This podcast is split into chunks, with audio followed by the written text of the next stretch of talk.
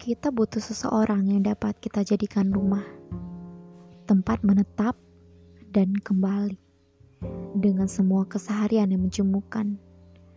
Itu adalah mode bertahan dari hidup yang melelahkan yang coba kita sangkal berkali-kali. Seringkali kita berdesak-desakan atas semua urusan yang menjadi prioritas. Basah kuyup oleh polemik ibu kota.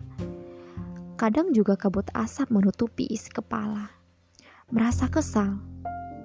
Ya, sepertinya sudah biasa. Karena hidup sering kali terasa berat. Kita butuh genggam yang menguatkan, tawa yang melepas dahaga, entah itu di gubuk tua atau di rumah bak istana. Tak usah risau, semua sama saja. Bahkan ketika senja mengudara di penjuru angkasa, di balik awan kelabu di mana rembulan memilih bersembunyi daripada menyapa. Kau tahu tempat kembali.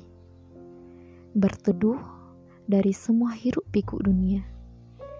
Di mana kau selalu ditunggu dan diterima. Itulah rumah untuk kita.